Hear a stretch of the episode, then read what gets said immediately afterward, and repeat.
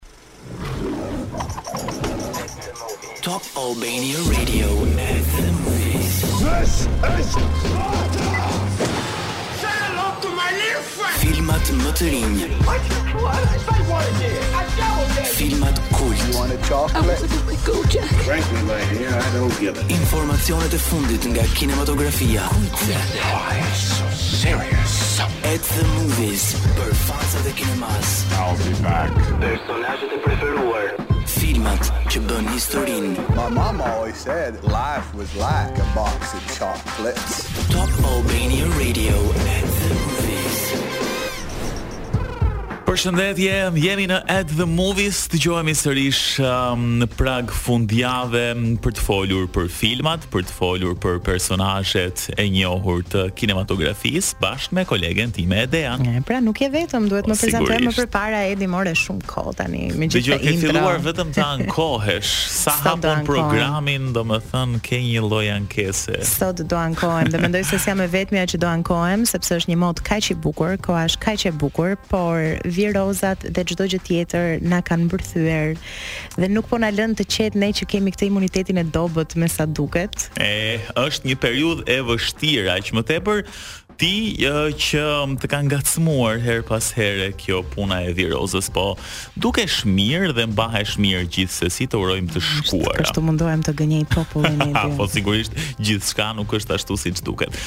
Argylle ka mbërritur në Cineplexx ditën e djeshme, më një shkurt, një premierë e madhe që mezi e kemi pritur dhe do të flasim pas pak për këtë. Ndërkohë në pjesën e dytë të programit ka qenë një javë e ngjeshur edhe në Netflix me gjëra të reja. Unë pashë Lift mbrëmë në darkë vonë, një film uh, shumë interesant me Kevin Hart që ka të bëjë me grabitjen uh, e shumë kilogramëve ar. Interesante. Po. Paskemi përzgjedhur gjëra thuajse të të njëjtit zhanër. Unë mbrëmë jam drejt përfundimit, mm -hmm. mund të jem mhm. tek seria e 5 e Griseldës, historisë së Griselda Blancos, të luajtur nga Sofia Vergara, e cila më provoi faktin se komedianët e mirë ndonjëherë janë aktorë akoma më të mirë. Këto janë vetëm pak nga gjërat që do mhm. zbulojmë mm -hmm. se do flasim në pjesën e dytë të programit për këto gjërat e fundit që kemi parë unë dhe Edea me siguri edhe ju. Do ta nisim programin me kolonën zanore të Argylle, një prej tyre sepse ka disa shumë të bukura. Kjo është nga Ariana DeBose, Boy George dhe Nile Rodgers, Electric Energy. Just like fire nga Pink, porsi zjarri dhe e vërteta është që kjo këngëtare për shumicën e jetës së saj ka qenë e tillë. Por të kalojmë pak nga zjarri tek uji. Këtë të diel Cineplexx mendon për të gjithë ju që ndoshta doni të kurseni pak ose dëshironi të shikoni një film, i vetmi moment i lirë që keni është e diela dhe ka filluar kjo uh, oferta e të dielës ku çdo biletë është 300 lekë dhe kësaj radhe është për këto filma dhe do kalojmë tek uji Aquaman të cilin mund ta shikoni këtë të diel, Next Goal Wins, Dy Gisht Mjaltë dhe Night Swim. Nëse doni të shikoni një nga këta të katërt, shkoni në Cineplexx këtë të diel. Ndërkohë, siç thamë edhe në nisje të programit, Argylle ka nisur të jepet në Cineplexx që nga dita e djeshme kur ishte edhe premiera e madhe. Dhe unë po shikoja në fakt disa nga review-t që kanë bërë, um, disa nga mediat më prestigjioze në botë që merren me kritikën e filmit dhe thonë që është absolutisht një film shumë interesant. Um, deri diku edhe me pak mister, domethënë që të mban lidhur um, gjatë gjithë kohës pas ekranit, duke qenë edhe nga zhanëri spionazh.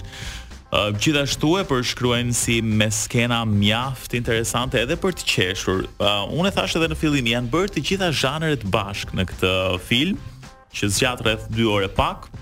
Njëkohësisht Dua Lipa ka bërë um, atë debutimin e saj të madh në kinematografi, sepse ky rol është jo i vogël për të, për të mos folur pastaj për castin që është i jashtëzakonshëm së bashku me aktorët e tjerë si Henry Cavill, Sam Rockwell, John Cena, Ariana DeBose e shumë e shumë të tjerë. Kështu që mendoj që mm, këto ditë do shkoj dhe vetë ta shikoj Argylle se s'bën. Hmm, sa gjë e mirë është kur reviewt uh, janë e baraspeshojnë atë pra kur kemi një kast shumë të madh aktorësh, shpesh herë themi mund të kemi pritshmëri shumë të mëdha të cilat rezulton që nuk i arrim dot pas përfundimit të filmit, por duket se Argylle i ka tejkaluar pritshmëritë e tij Edhe këtu do ndaloja te kasti fantastik i aktorëve, ne jemi shumë krenarë që e shohim Duan në një rol mm -hmm. uh, më protagonist se ç'ishte tek Barbie, le të themi, dhe një gjë që do shkëpusja përveç ngjyrave dhe uh, fotografisë që ishte fantastike me sa pashë nga traileri se patjetër duhet parë gjithë filmi për të bërë një analizë të saktë,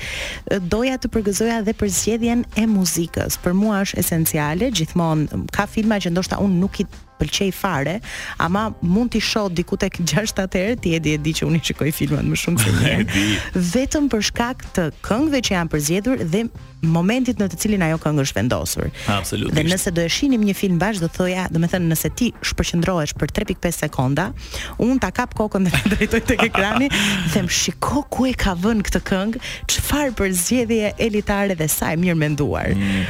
Dhe uh, nga kolonat zanore që janë publikuar ka një mix të këngëve edhe të vjetra, edhe të reja, disa që janë bërë posaçërisht për filmin, kështu që do t'i kesh të gjitha. Filmat spionazh gjithmonë kanë disa nga këngët më të bukura. Kjo është mm. diçka që e kemi parë edhe tek Bond, që ka këngë të cilat e shkruajnë vetë për filmin dhe janë mbeten dhe janë këngë si për shembull Skyfall e Adele, është një këngë e cila tani nuk unë personalisht nuk e atachoj me filmat e James Bondit është a, a song of its own, like është në në në në botën e saj të vetshme. Është shumë e vërtetë dhe këtë doja të thoja që zakonisht këngët e Bond janë kthyer më pas edhe në hite veçmas filmit.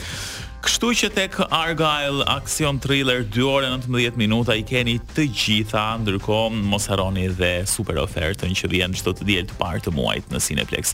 Mirë, do të bëjmë tani një shkëputje të vogël, pas pak do flasim uh, për Netflix se çfarë ka sjell.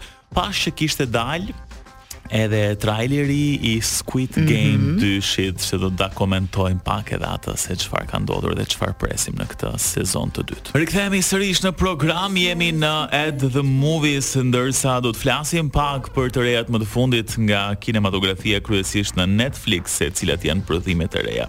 Unë me Dejan, um, pam pak trailerin e Squid Game 2 më jep një impresion të parë në atë një minutë e gjysmë, kolege? Uh, dua të them që deri diku ka disa gjëra të cilat audienca po i priste, mm -hmm. përveç ndoshta ngjyrës së flokëve të aktorit kryesor. Po, që na paralajmëroi po, që herën e fundit. Uh, diçka që ne ndoshta nuk e prisnim si publik është fakti që uh, të gjithë lojtarët e Squid Game shkuan dhe hynë në këtë lojë duke rrezikuar jetën e tyre dhe në thonjza duke shitur shpirtin kundrejt asaj shumës së parave. Pra çfarë bën njeriu për një X uh, sasi lekësh. Po. Por shohim se personazhi kryesor i cili fitoi, doli i fituar nga kjo lojë dhe ti pretendon se ky njeriu vazhdoi me jetën e tij dhe jetoi i lumtur se në fund të ditës e arriti atë qëllim për të cilin po luftonte, rikthehet për të luajtur sërish Mhm. Ndoshta për ta mbyllur një herë e mirë këtë lojë e cila uh, shkakton më shumë humbje jete se çdo gjë tjetër. Pa dyshim është um, një akt i mirëfilltë krimi, megjithatë nga disa um, shprehje që arritëm të kuptonim aty është që edhe vetë loja apo perandoria që është ngritur ka ndryshuar dhe ishte në rrezik ekspozimi, sepse kjo gjë natyrisht ishte e fshehtë nga të gjitha autoritetet, kështu që Krahas lojës, siç duket, vihet në lojë tani edhe frika nga ekspozimi i gjithë um, organizatës, ha?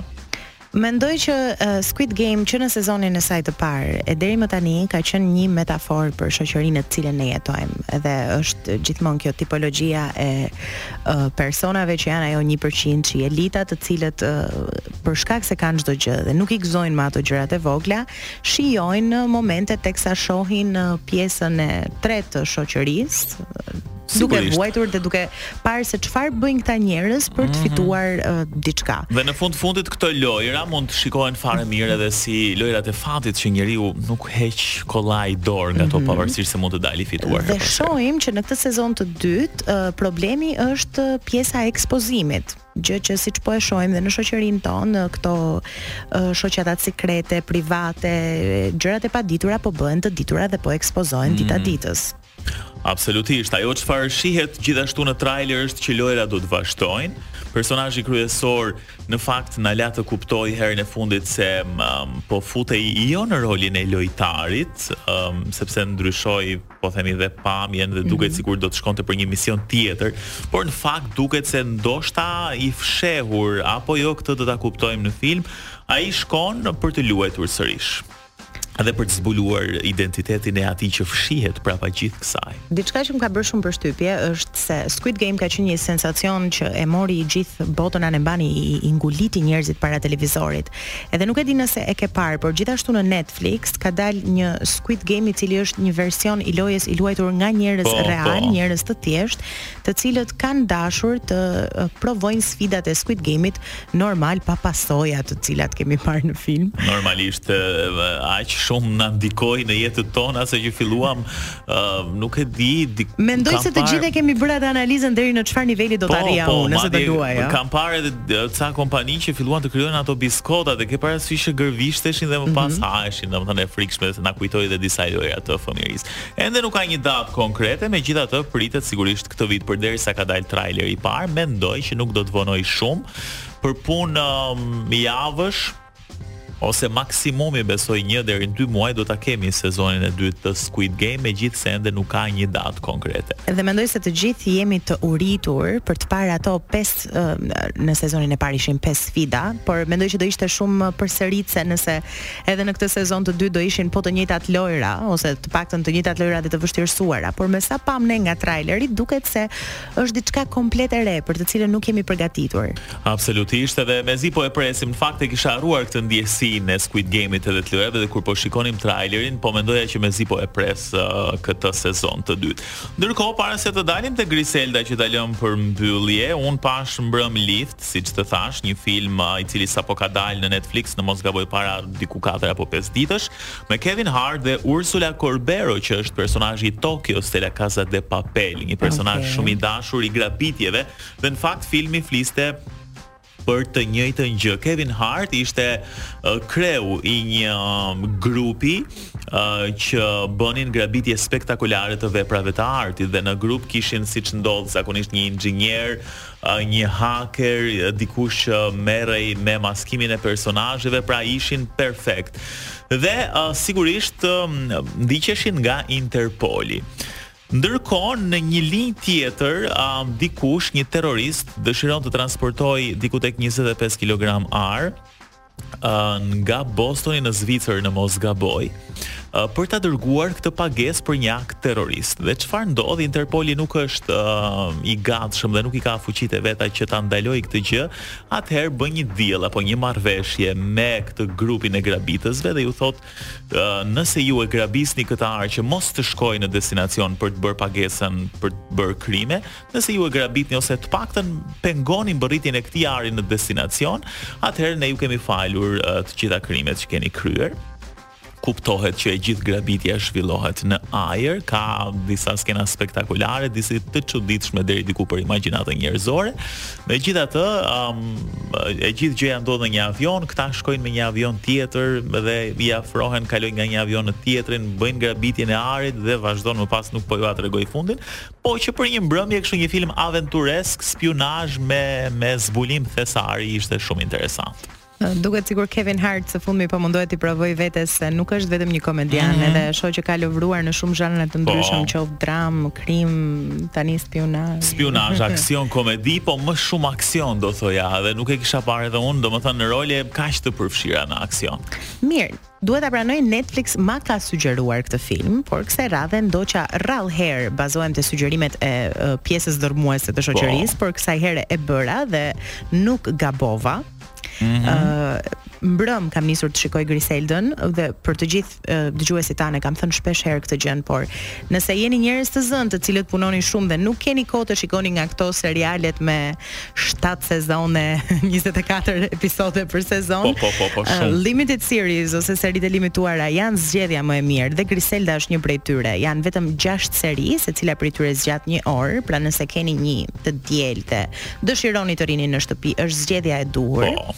Uh, e thashë edhe në hyrje të emisionit që ishte momenti ku m'u vërtetua ajo shprehja që komedianët e mirë janë aktorë edhe më të mirë dhe Sofia Vergara, të cilën ne e kemi atashuar me imazhin e ish modeles, komedianes, vajzës së bukur e cila është shumë e mirë teksa luan rolin e femrës tërheqëse në krah të një mashkulli, tashmë luan rolin e kumbarës dhe madrinës së drogës të kokainës po. Po, e vërtetë Vejusha e Zezë uh, quhej ndryshe Griselda Blanco. Dhe gjithashtu e quanin dhe e mëshirshmja. Mm. Dhe kjo është diçka që unë e pashë gjatë sezonit, sepse mënyra se si ajo uh, trajtonte njerëzit që punonin për të, gjërat që ajo u siguronte dhe mënyra se si i bindte. Nuk dua të them lavash truri, se lavash truri nuk është fjalia e duhur, por ishte një grua vërtet shumë e fuqishme, e cila gjithashtu u kap nga një grua. Këtë gjë duhet ta shikoni vetë, nuk dua t'jua spoil. Po ja po jua bëj atë spoilin dhe arsyen sepse duhet ta shikoni filmin Griselda për të gjithë meshkujt që ndoshta thonë, o zot, pse duhet të shohun 6 episode për një grua e cila është kaq e fuqishme. Po. Vetë Pablo Escobar ka thënë Unë nuk kam frikë nga asnjë mashkull përveç një gruaje që e ka emrin Griselda Blanco. Po, e kam parë këtë shprehje shumë interesante. Unë pashë vetëm serinë e parë të Griselda Blancos dhe më pëlqeu shumë. Ngjarjet janë në po të njëjtën kohë me Pablo Escobar, pak a shumë prandaj edhe Pablo ka këtë shprehje. Megjithatë kjo ka një natyrë krejt tjetër sepse ngjarjet zhvillohen më së shumti në Miami. Kjo është kolona zanore e Griseldës, Call Me nga Blondie. Po shkojmë drejt fundit të programit për sot, ndërsa na duhet të shpallim fituesen e kuicit për javën që po lëmë pas është Valentina, e cila ka zbuluar në fakt shprehjen What we do in life echoes in eternity nga filmi The Gladiator apo Gladiatori. Urime Valentina, je bërë fituese e dy biletave për në Cineplex, të cilat mund të vish t'i tërheqësh në ambientet e Top Albania Radio tek Arena Center dhe të shohësh filmin tënd të preferuar. Ne së bashku do të dëgjohemi të premten tjetër, nëse mm -hmm. nuk keni asgjë për të bërë këtë fundjavë të dielën, bëuni pjesë e të dielës së kursimit në Cineplex ku çdo biletë do të kushtojë vetëm 300 lekë dhe nëse jeni me viroza si unë dhe dëshironi të rrini në shtëpi, mund të shikoni Lift ose Griseldën. Yes, një mbyllje e saktë, konçize dhe e bukur. Dëgjohemi bashkë javën që vjen. Kalofshi sa më bukur.